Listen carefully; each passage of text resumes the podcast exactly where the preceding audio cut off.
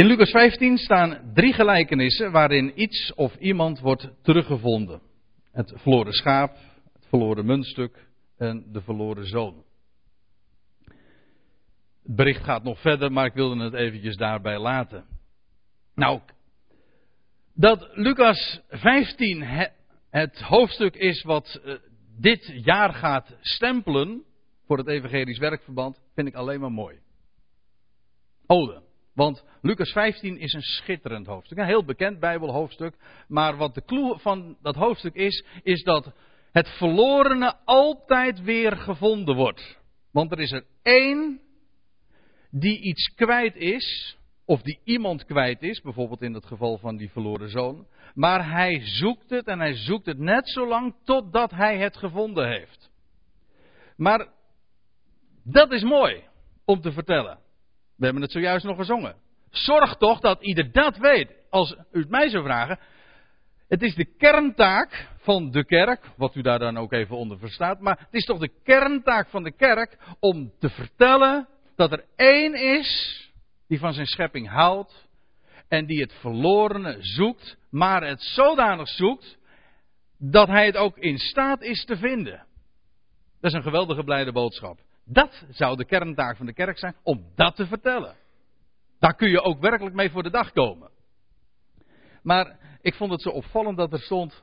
In 2008 willen we de kerk bepalen bij haar kerntaak kostbare mensen die verloren dreigen te gaan op te zoeken. En toen dacht ik, dat is dan toch weer een vreselijke dissonant.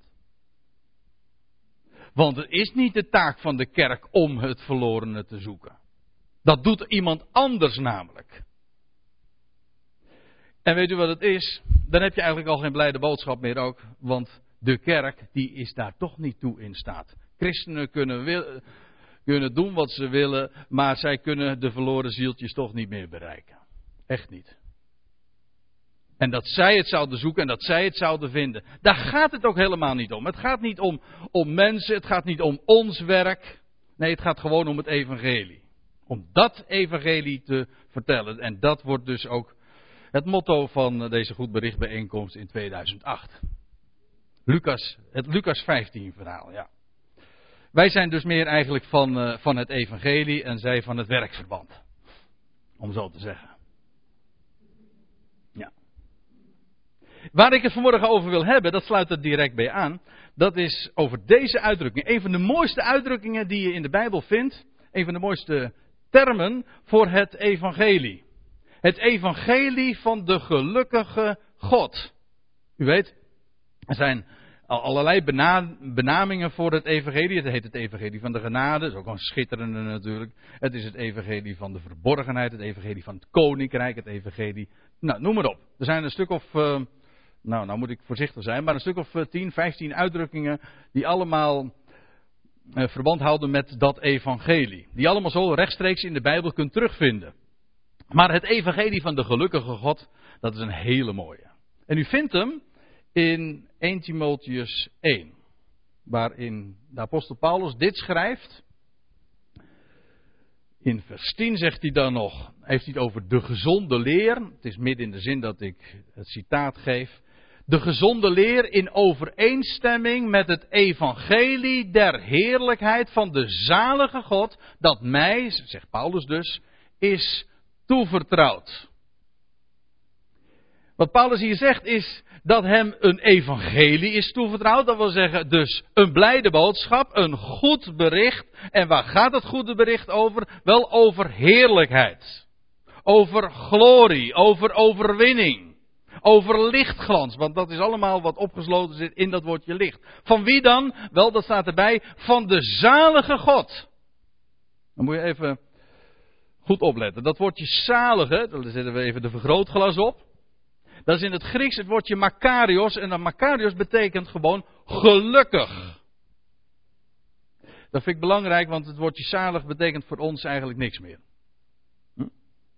Blijkt trouwens ook wel in al je de Statenvertaling, daar heeft het ook, is het ook dikwijls de weergave van een heel ander woord en dan betekent het behoudenis. Maar het woordje zalig, als, u dat, als je bijvoorbeeld ook de zaligsprekingen hebt, we komen, komen straks, straks trouwens nog eventjes op terug, dan zie je dat uh, iedere keer dat er gezegd wordt van zalig zijn de vredestichters, zalig zij die hongeren en dorsten. Nou, dan wordt er ook ieder, datzelfde woord gebruikt. Makarios. Dat betekent gelukkig. En God is de gelukkige God. En ik, ik vind het zo geweldig om daaraan te denken. Dat er één is, zeg maar de grote baas, als ik het zo mag zeggen, van deze wereld. Degene die alles gemaakt heeft. Die alles bedacht heeft. Die alles kent. Let wel, die ook al het leed kent. Als geen ander. Het verdriet, de moeite, de pijn. En niet alleen kent, maar ook meeleidt. Dat staat ook in de Bijbel. Dat God meeleidt met zijn schepping. God houdt van zijn schepping. En als je van iemand houdt, dan leid je, als je ziet dat iemand leidt, dan leid je mee. Sterker nog, de meelijden kan soms erger zijn dan het lijden zelf. Om te zien dat iemand van wie je zo zielsveel houdt, lijdt. Wel, God kent zijn schepping, hij kent het verdriet en hij lijdt mee. En desondanks, ondanks het feit dat hij dus meeleidt met zijn schepping, is hij de gelukkige God. Weet u waarom? Alles gaat toch naar zijn plan. Hij is namelijk God. En dat woord God, dat betekent vanuit het Grieks gezien, degene die alles op zijn plek zet. Degene die plaatst. En hij zet, hij zet ook alles op zijn plek. Hij heeft alles in de hand. Hij is God. Er gaat niets mis. Alles verloopt naar zijn plan. En hij weet dat het kwaad, dat kwaad is er, dat lijden is er. Maar het is noodzakelijk kwaad omdat het zijn doel dient. En hij weet daarvan. En hij is Desondanks de gelukkige God. Nou, wat Paulus dus zegt van, mij is dat, dat goede bericht toevertrouwd van de heerlijkheid van de gelukkige God om te vertellen, God is gelukkig. En waarom is hij gelukkig? Nou, in het Nederlands is het helemaal makkelijk uit te leggen, want dat betekent namelijk gewoon, het gaat hem lukken. Gelukkig, in, in, in onze taal tenminste, is afgeleid van het werkwoord gelukken omdat het je gelukt, ben je gelukkig. In andere talen is dat weer iets anders. Maar het is heel mooi om het zo inderdaad ook uit te leggen. Wat is gelukkig? Dat heeft inderdaad te maken met succes. Met het, met het bereiken van je doelstelling.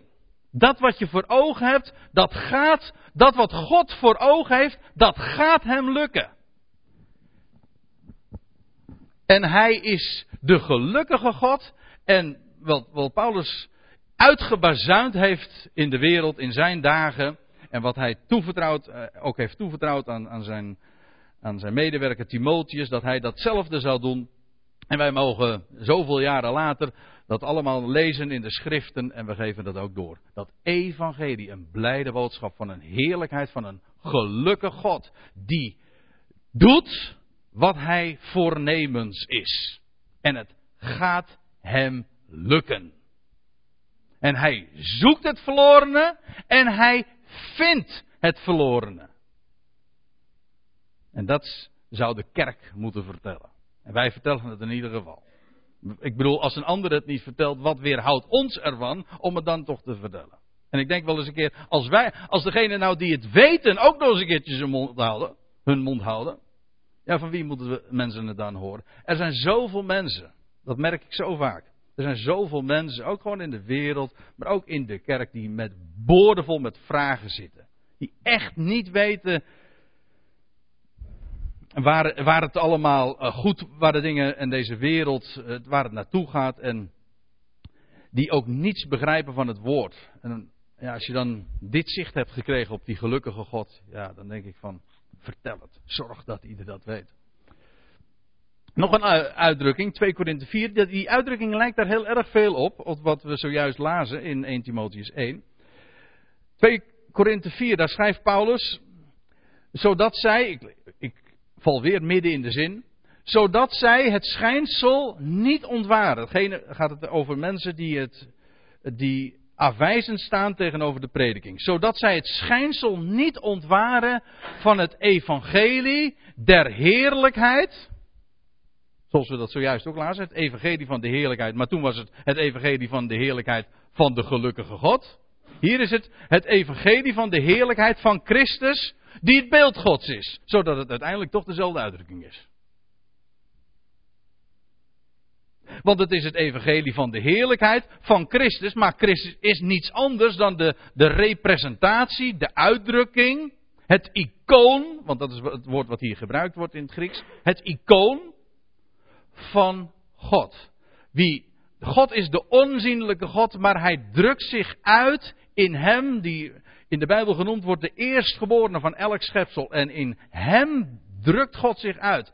En in Christus zien we uitgebeeld de heerlijkheid van de gelukkige God. En hij, de Christus, de Messias, is de grote triomfator. Het evangelie gaat niet over ons, ook niet over wat wij moeten doen.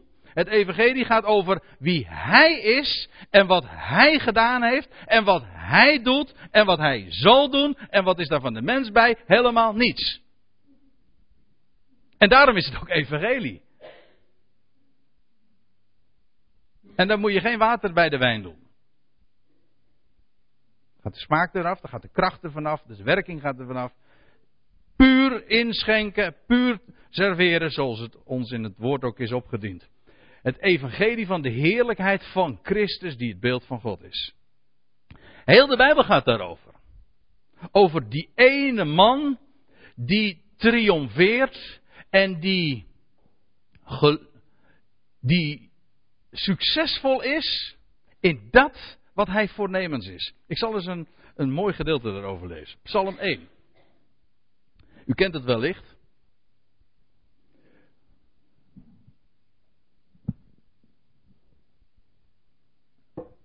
We kunnen het straks nog gaan zingen ook. Dat, dat gaan we straks ook zingen. Maar daar staat, het, zo begint dus het boek van de 150 psalmen. Psalm 1, vers 1. Welzalig en dan moet ik weer opnieuw zeggen wat ik zojuist al even zei. Alleen het gaat nu hier niet over een Grieks woord, maar over een Hebreeuws woord. Dat woordje welzalig betekent ook hier weer gewoon gelukkig.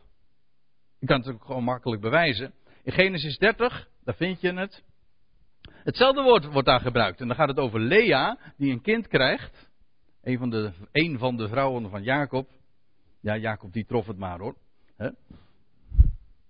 Ja, niet dus, maar. Uh, toen zeide Lea, ik gelukkige. Toch wel. Voor, voorzeker zullen de jonge dochters mij gelukkig prijzen en zij gaf hen de naam Aser. En Aser betekent dus, juist, gelukkig. Of de gelukkige.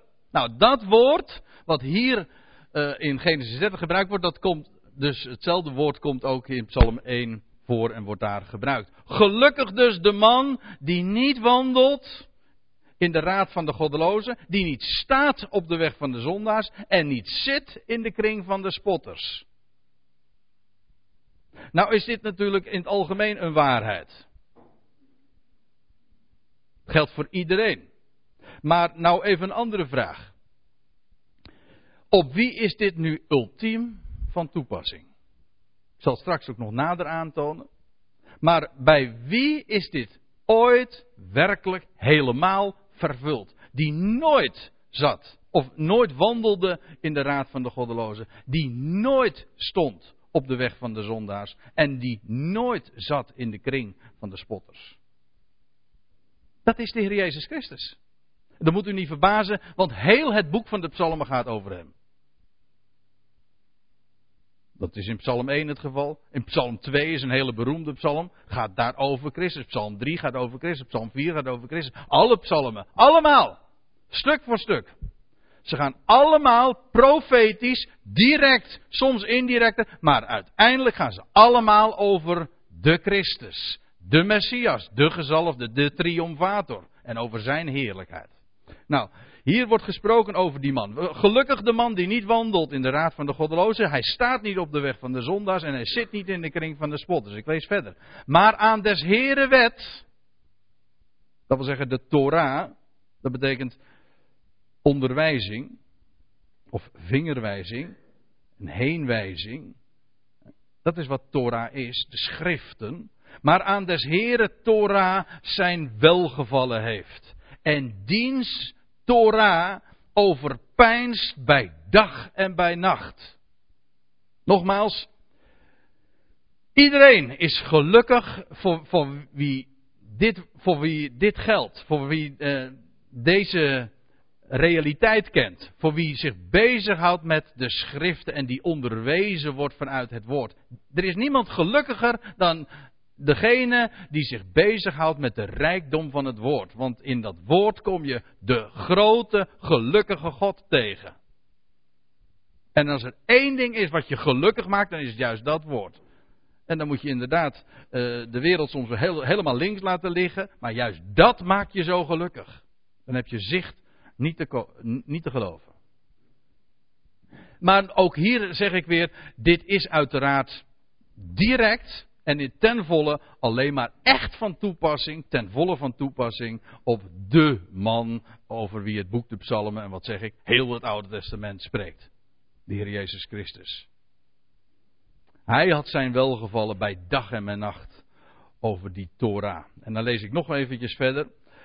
Want ik ben nog steeds niet daar waar ik eigenlijk komen, waar ik, uh, waar ik wil wezen. Vers 3 staat er dan nog, want hij is als een boom geplant aan waterstromen.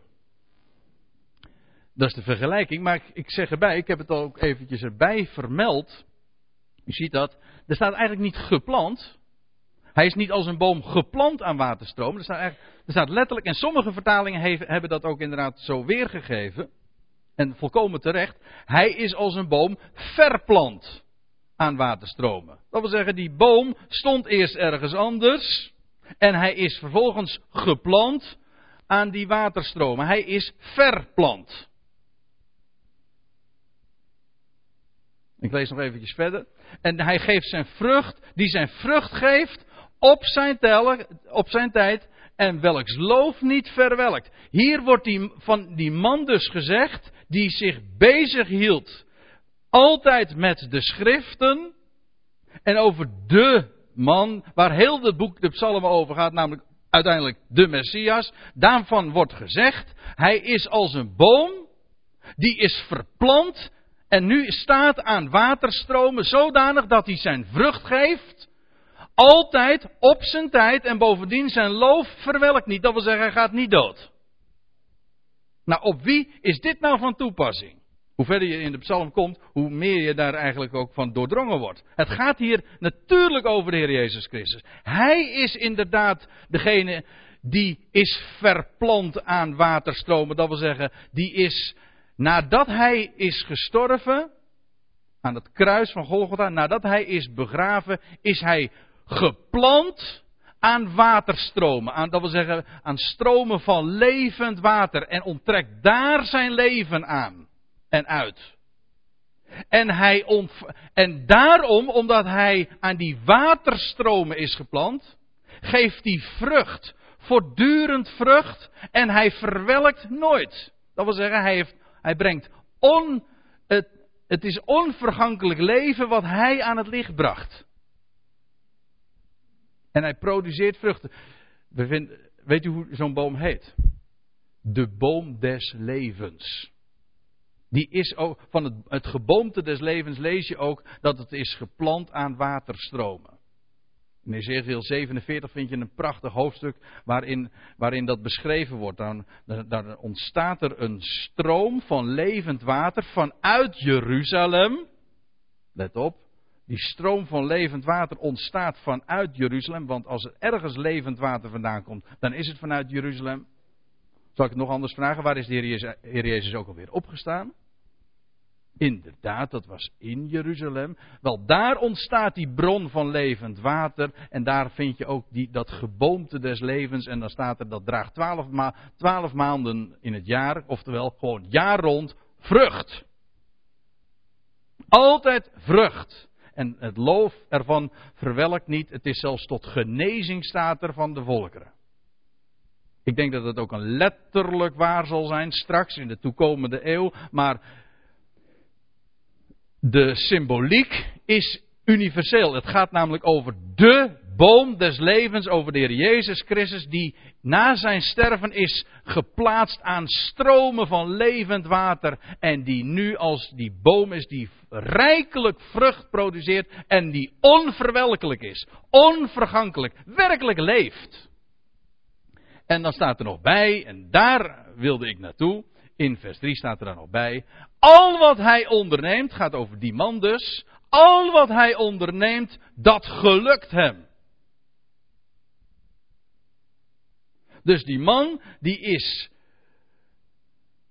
eigenlijk het embleem van leven, want hij is, hij, staat aan, hij is geplant en verplant aan stromen van levend water. Hij geeft vrucht. Hij verwelkt niet. En alles wat hij onderneemt, dat gelukt hem. Daarin is hij succesvol. Er staat niet wat hij onderneemt gelukt hem, maar al wat hij onderneemt gelukt hem. En dan zeg ik erbij, in de tegenwoordige aion, dat wil zeggen in de tegenwoordige tijd, in de tegenwoordige wereldtijd moet ik dan zeggen, de tegenwoordige eeuw. In de toekomende eeuwen, en uiteindelijk ook in de voleinding der eeuwen. Het wordt steeds mooier, steeds groter. Maar in alles wat hij, de Christus, onderneemt, sinds dat hij geplant is aan die waterstromen van levend water, sinds die tijd is hij die geluk, gelukkige man, die leeft eigenlijk de belichaming is van het woord van God, waar die zich ook dag en nacht mee, ver, mee bezighoudt en mee vervuld is. Sterker nog, hij is het woord Gods. Wel, in alles wat hij onderneemt en wat hem voor ogen staat en wat hij doet, is hij succesvol. In alles wat hij onderneemt, dat, dat gelukt hem. En vandaar ook dat hij natuurlijk die gelukkige man is. En dan is de cirkel weer rond. En daar denk ik juist zo graag aan. Dat is juist wat het evangelie evangelie maakt. Het spreekt van iemand die leven aan het licht gebracht heeft en die succesvol is in alles wat hij onderneemt. En laat ik, dat, laat ik dus een paar voorbeelden van geven. Het is nog niet zo heel erg lang geleden dat ik, eh, voor ditzelfde gezelschap, maar een andere locatie natuurlijk, toen nog in het NH Hotel. Toen hebben we het gehad over Genesis 39. En dat is dat hoofdstuk dat gaat over Jozef in de gevangenis. En ik heb u verteld, toen ook, dat Jozef een prachtig type is van de Heer Jezus Christus. Degene die verworpen werd door zijn broeders, veracht werd, in de put gegooid werd, dat wil zeggen onder de aarde terecht kwam. En dan uiteindelijk komt hij in Egypte als slaaf. Belandt ook in de gevangenis. Maar daar eindigt het niet mee. Uiteindelijk komt hij toch op de troon. Dat wat Jozef al vanaf het begin heeft geweten. Toen hij als 17-jarige. Hoezo 17? Nou ja. Toen hij als 17-jarige jongen die droom kreeg, die dromen kreeg. Toen had hij van Gods wegen al vernomen waar hij uiteindelijk zou komen. En Jozef heeft dat altijd zijn hele leven geweten. Daarom lees je ook nooit van Jozef dat er een, wanklank in zijn mond was. Van Jozef lees je trouwens nooit. Een hele lange geschiedenis, maar dat is heel uniek hoor in de Bijbel. Maar we lezen nooit van een zonde die hij begaan heeft. Een schitterend beeld en een plaatje van de Heer Jezus Christus. Maar goed, dan lees je dus over die Jozef dat hij in de gevangenis komt. In vers 20 staat dat. En dan staat er, en de Heere was met Jozef. En hij bewees hem genade. En hij deed hem de genegenheid van de overste van de gevangenis winnen. En het is nog niet zo. Uh, veel, het zijn niet zoveel versen daarvoor. dat je ook iets soortgelijks leest. als hij bij Potifar is. Dan is hij slaaf, jawel. Maar dan lees je dan toch maar dat de Heere zegende hem. en alles wat Jozef ondernam, dat gelukte hem ook. En Jozef ja, die, alles wat hij aanraakte, dat werd goud bij wijze van spreken. Alles waarmee hij in aanraking kwam, werd gezegend. Want toen Jozef in het huis van Potifar terecht kwam, werd ineens het huis van Potifar rijk gezegend. Potifar zag, de Heer was met hem. Potifar kende de Heer niet, maar hij wist, met die jongen is iets heel bijzonders aan de hand. En hij werd dan gesteld tot, huis, tot hoofd van het huis. En dan staat er van, en het huis van Potifar werd gezegend en ook nog het hele veld. Een heel, hele business, zeg maar. Maar alles ging succesvol. Alles waar Jozef mee in aanraking kwam en alles wat Jozef ondernam, dat was, dat gelukte. Dat staat hier ook. Dan komt hij vervolgens in de gevangenis. De geschiedenis herhaalt zich feitelijk. En de Heer was met Jozef. Ja, en hij bewees hem genade. Het hier staat in het Hebreeuws het woordje gein. Heeft ook weer alles te maken met vreugde dus.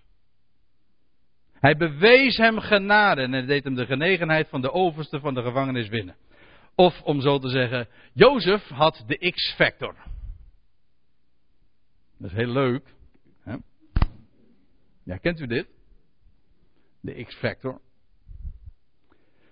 Ik, uh, het is mij allemaal eh, wat ontgaan op de televisie de laatste jaar of de laatste jaren.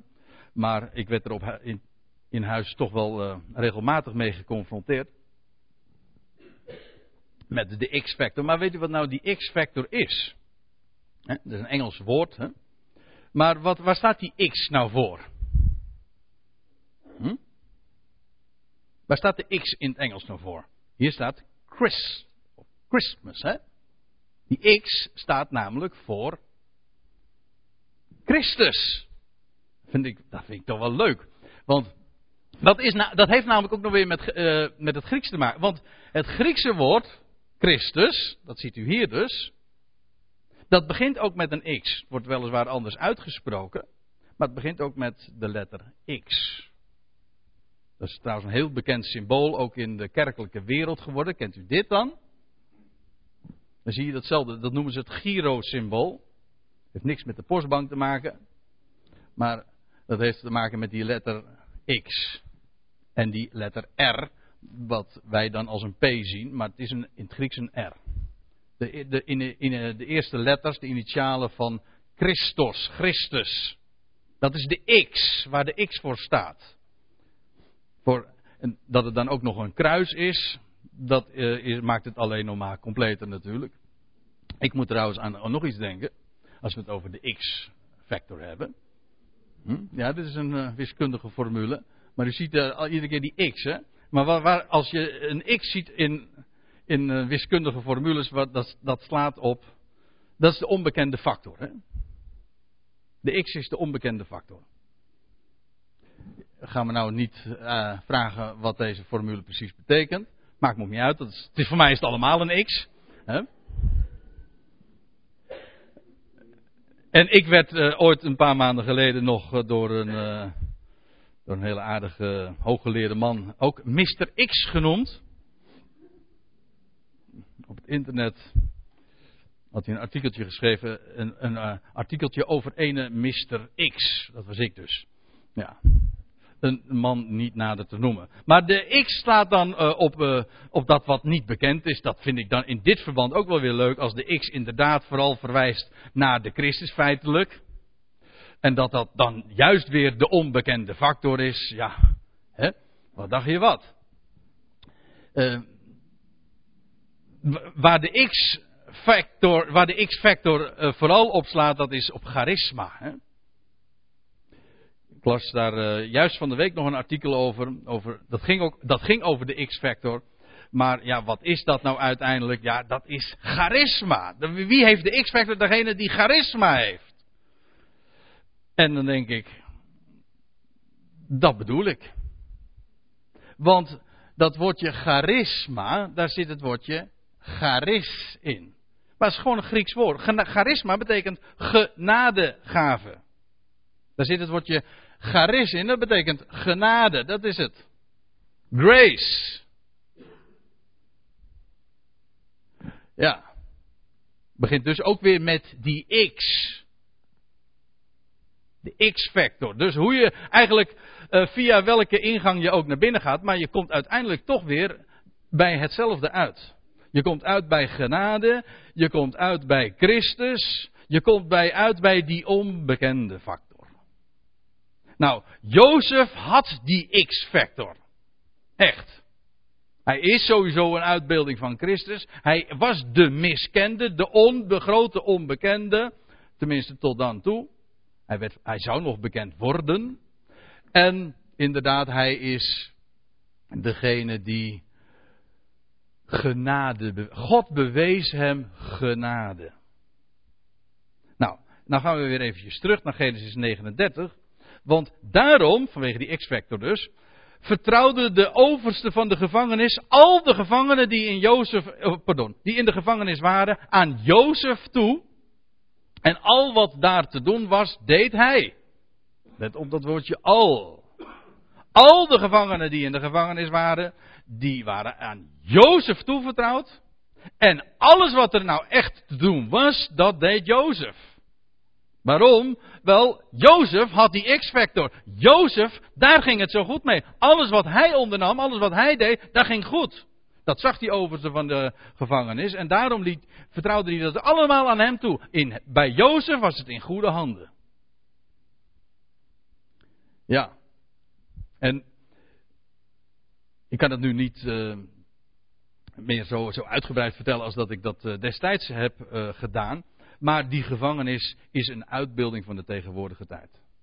Waarin de Heer Jezus Christus ook in afwachting van de troon, maar nog steeds miskend door zijn broeders naar het vlees, dat Israël heb ik het over, in afwachting van de troon in de toekomst, bevindt hij zich nu buiten de maatschappij. Want dat is eigenlijk wat de gevangenis is. Dat is een plaats waarin je niet deelneemt aan de maatschappij. Het gaat er niet zozeer om dat je opgesloten bent, je bent buitengesloten.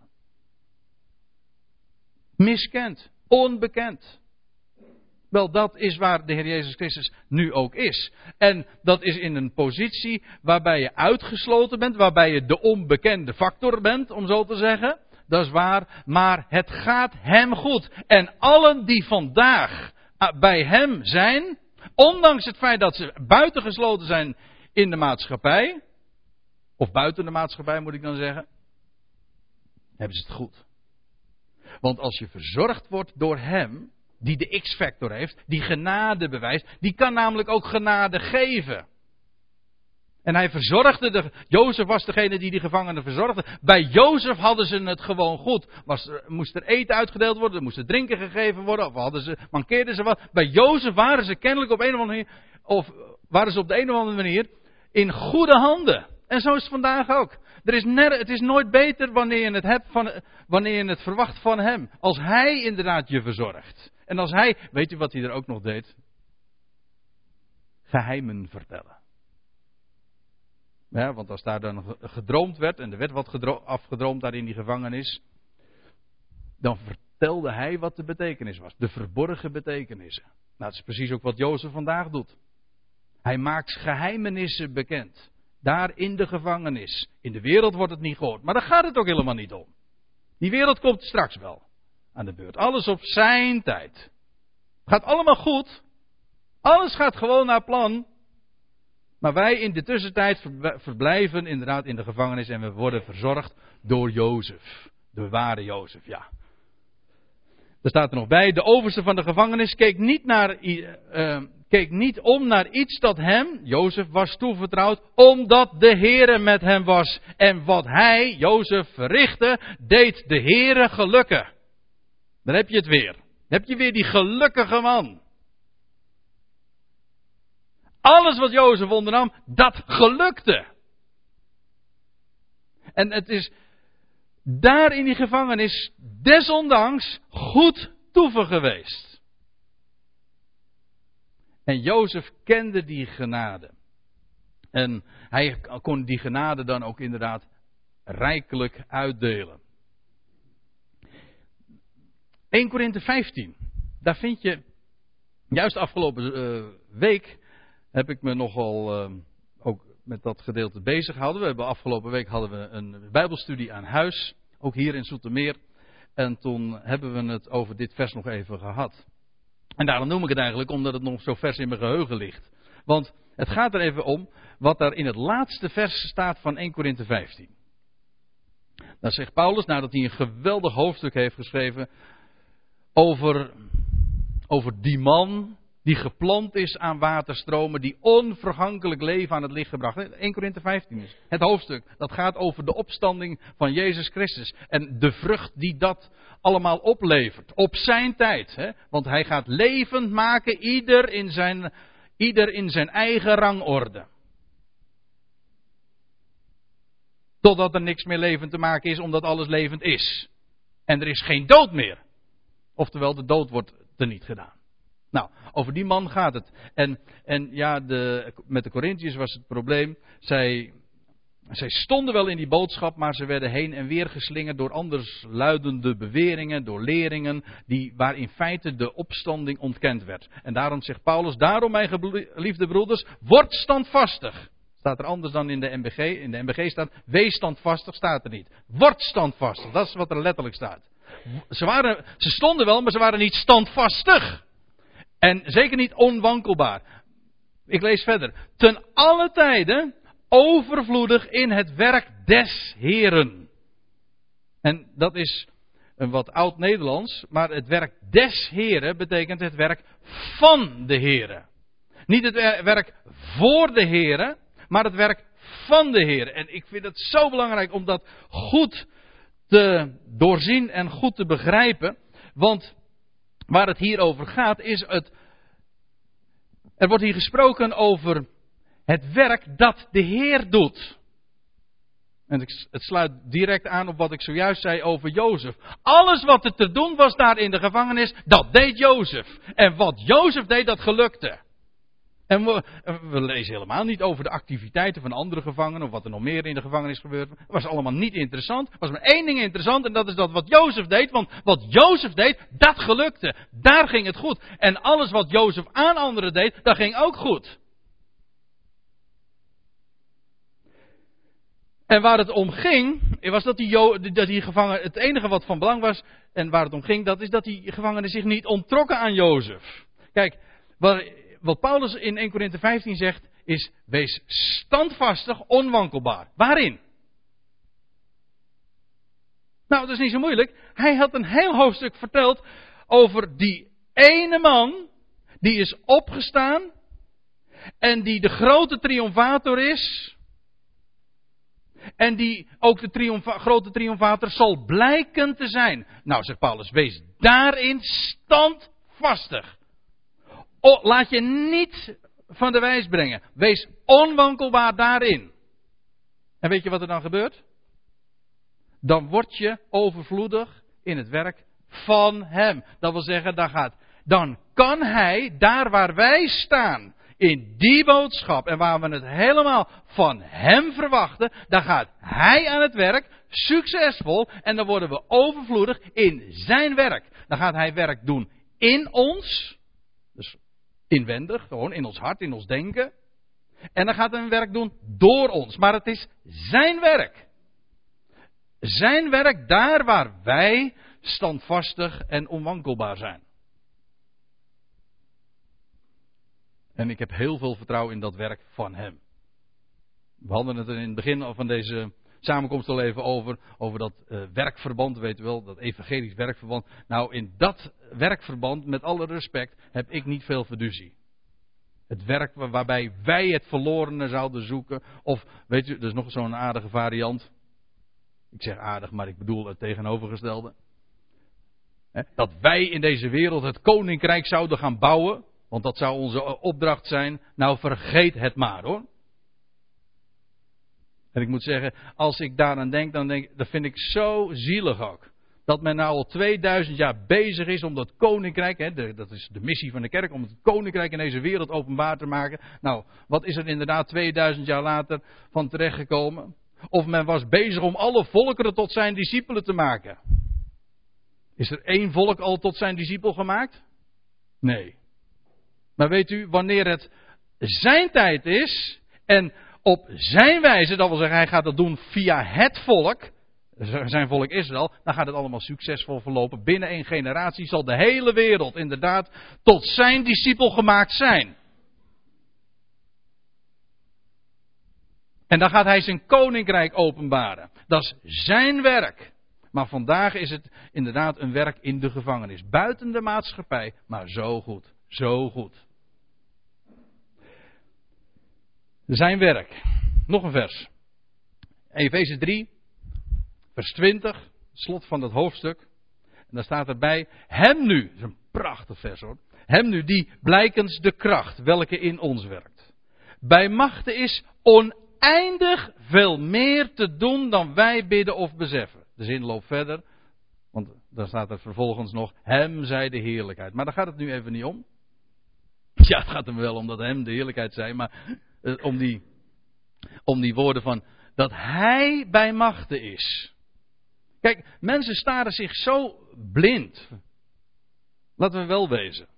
En het is een, een valkuil waar iedereen zo gemakkelijk in kan, uh, in terechtkomt. dat je denkt dat je zelf dingen moet gaan doen. begin van het jaar is het altijd weer een, een kwestie van je goede voornemens weer realiseren. Heb u ze nog? 13 januari? hoeveel, heb hoeveel goede voornemens hebt u nog? Maar, en, en dan, dan denken mensen het zelf te moeten doen. De, waar de Bijbelse boodschap nu juist over gaat, is dat Hij zijn werk aan en in ons doet. Wanneer je nou de vraag stelt van wat kan ik nou voor Hem betekenen? Ja, wat kan ik nou voor Hem betekenen? Wat kan ik überhaupt? Dat is een vraag die altijd teleurstellend beantwoord moet worden. Want een mens is namelijk maar een mens. Je faalt. Er gaat zomaar iets mis. Maar als we het hebben over zijn werk, daar denk je altijd te gering over. Altijd. Hij is namelijk veel, hij is niet alleen maar eh, in staat om te doen wat wij bidden of beseffen. Nee, er staat, hij is meer, uh, nee, hij is in staat meer te doen dan wij bidden of beseffen. Nee, er staat nog zelfs bij, veel meer te doen dan wij bidden of beseffen. En nou, de goede lezer die zegt, nee, er staat nog iets bij, oneindig veel meer te doen dan wij bidden of beseffen. Alsjeblieft. Dus je hebt een wens. Hè? Je, je denkt aan dingen. Je bidt om dingen. Nou, weet dan dit. Kijk, want, eh, even tussendoor, hè. Mensen ze zijn in, zitten in de problemen in verband met, de, met je werk of met de relatie of in het gezin. En weet u wat het is? Mensen die in de problemen zitten, die, die gaan bidden. Hoe vaak heb ik het niet gehoord dat ze, als ze echt in de shit terechtkomen, dan zeggen ze, en ik bid, de, ik bid het, de huid van mijn knieën. En, en, en het werkt niet. Maar weet u wat ik dan wel eens denk? Gaat, je bidt wel, maar wat verwacht je van hem? Wat verwacht, je nou, wat verwacht je nou van God? Is hij nou werkelijk degene die God is? En is hij nou werkelijk degene die zoveel meer in staat is te doen dan wij zelf maar bidden of beseffen? Verwacht als je dat trouwens weet, als je dat op voorhand weet, dat hij zo, wat hier staat, dat hij oneindig veel meer in staat is te doen dan wij bidden of beseffen, dan ga je niet bidden, dan wordt je gebed een, een dankgebed. Dan ga je danken. Op voorhand. En dan moet je opletten wat er dan gebeurt. Dan verander je namelijk zelf. Ontvang je genade, dat wil zeggen vreugde en vrede. Genade en vrede worden u zelfs vermenigvuldigd. Hè? Staat er in, in de, de brieven. Want waar dat eenmaal gaat werken, die genade en die vrede, wel dan gaat die, gaan die genade en die vrede zo zijn uitwerking hebben op alle levensterreinen. Ik lees nog even een ander vers. 2 Korinthe 9. Demonstreert ook precies waar we het over hebben. Dat waar, hij, waar onze Heer, de man, waar het in Psalm 1 ook over ging, de ware Jozef om zo te zeggen, toe in staat is. God is bij machten. Alle genade in u, overvloedig te schenken. Opdat gij in alle opzichten, ten alle tijden, van alles genoegzaam voorzien, in alle goed werk, overvloedig mocht zijn. Nou, deze zin moet je echt een paar keer lezen hoor. Wil het goed tot je doordringen. Vooral omdat je struikelt over, zoals dat heet, de superlatieven. Zeven stuks. Alle genade. Overvloedig. Alle opzichten. Alle tijden. Alle goed werk, overvloedig. Dat is, niet, dat is geen mensenwerk, hè? Nee, maar als je nou omhoog kijkt, er is er één die dat kan realiseren. Gelooft u dat? Kijk, weet u wat, ik wel eens een keertje denk? Uh, het, als je het evangelie gehoord hebt en je hebt werkelijk begrepen dat we daarin te maken hebben met een Heer die realiseert dat wat hem voor ogen staat en dat hij deze hele wereld lief heeft en dat hij de hele wereld gaat redden. Dat is een machtige boodschap. Maar weet u wat ik nou zo, uh, wat nou ook van zo groot belang is? Dat diezelfde Heer die in staat is om in de voleinding en uiteindelijk zijn doel te realiseren, dat hij nu ook al gelukkig is. Dat wil zeggen, succesvol is in alles wat hij doet. Hij is nu die Jozef in de gevangenis. En wat hij doet, dat is goed, is overvloedig. Hij geeft nu ook een overvloed van genade en vrede. Van aan een ieder die inderdaad dat van hem verwacht. En hier staat het ook. Hij, hij is in staat om dat overvloedig in alle opzichten en bovendien ten alle tijden te realiseren. Alsjeblieft. Met zo'n God hebben we te maken in de Bijbel. Ten slotte, Jesaja 53.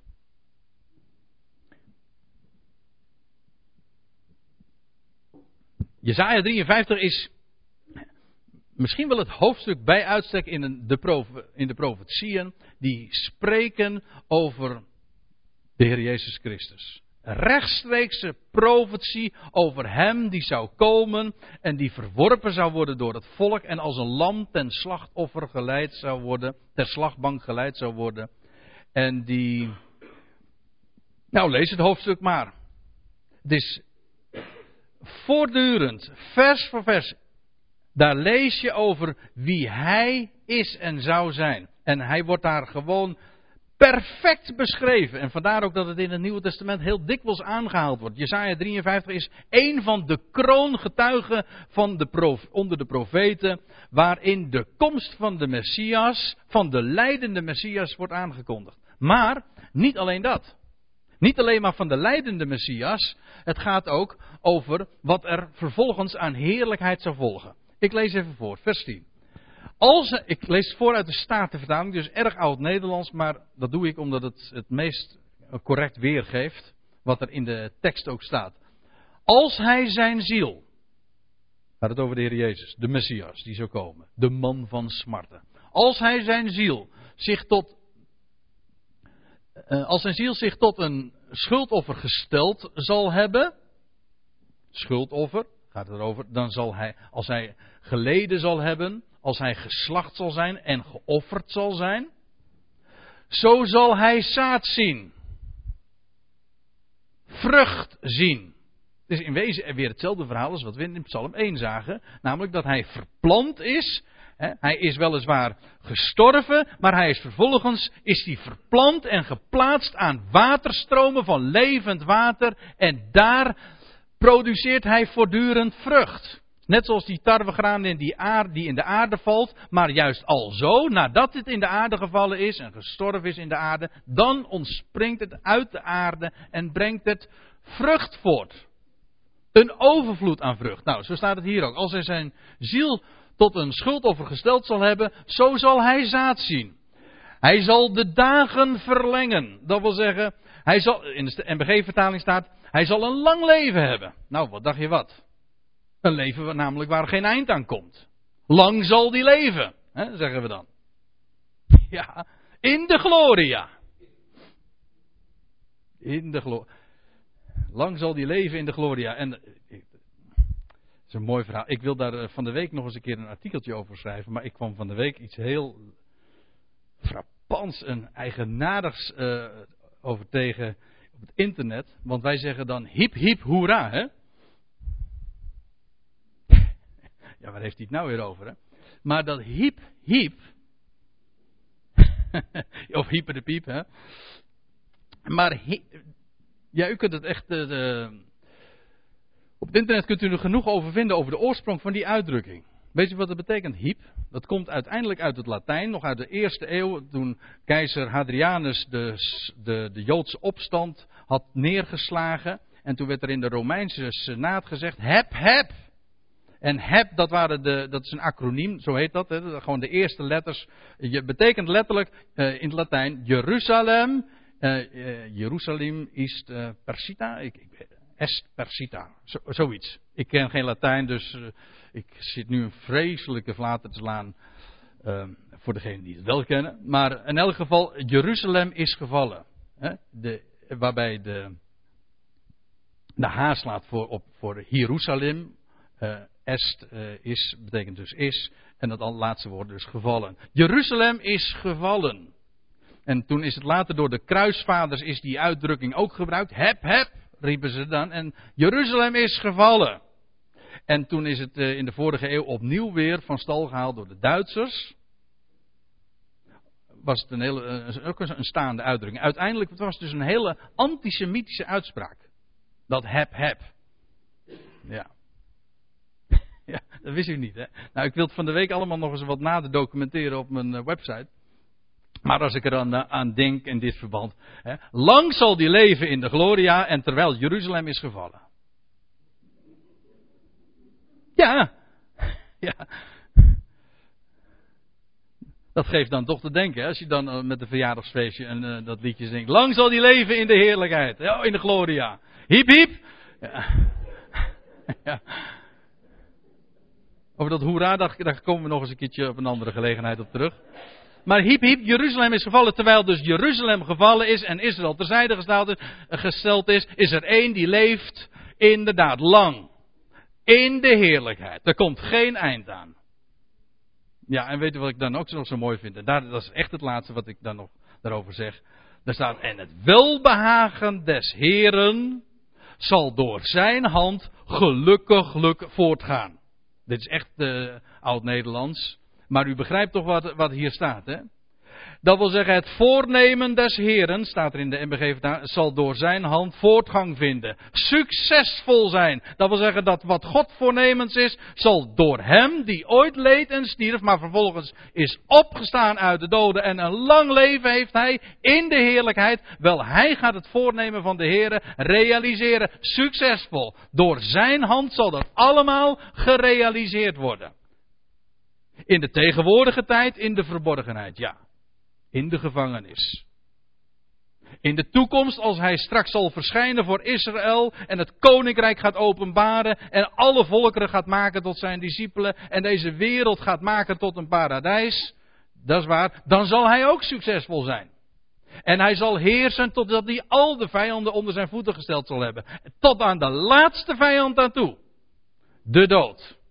En dan is de dood teniet gedaan. En dan leeft alles. En weet u wat er dan? Dan zal vervuld zijn wat hier staat. Om de arbeid van zijn ziel zal hij het zien. En verzadigd worden. Tot, in de MBG-vertaling staat tot verzadiging toe. Dat wil zeggen tot er niet meer meer bij kan. Hij zal dan zo succesvol zijn dat er niets meer, uh, dat er geen doelen meer te realiseren zijn alles zal hij dan gerealiseerd hebben. Succesvol, verzadigd zal hij zijn. Hij zal inderdaad bereiken wat God ooit voor ogen stond.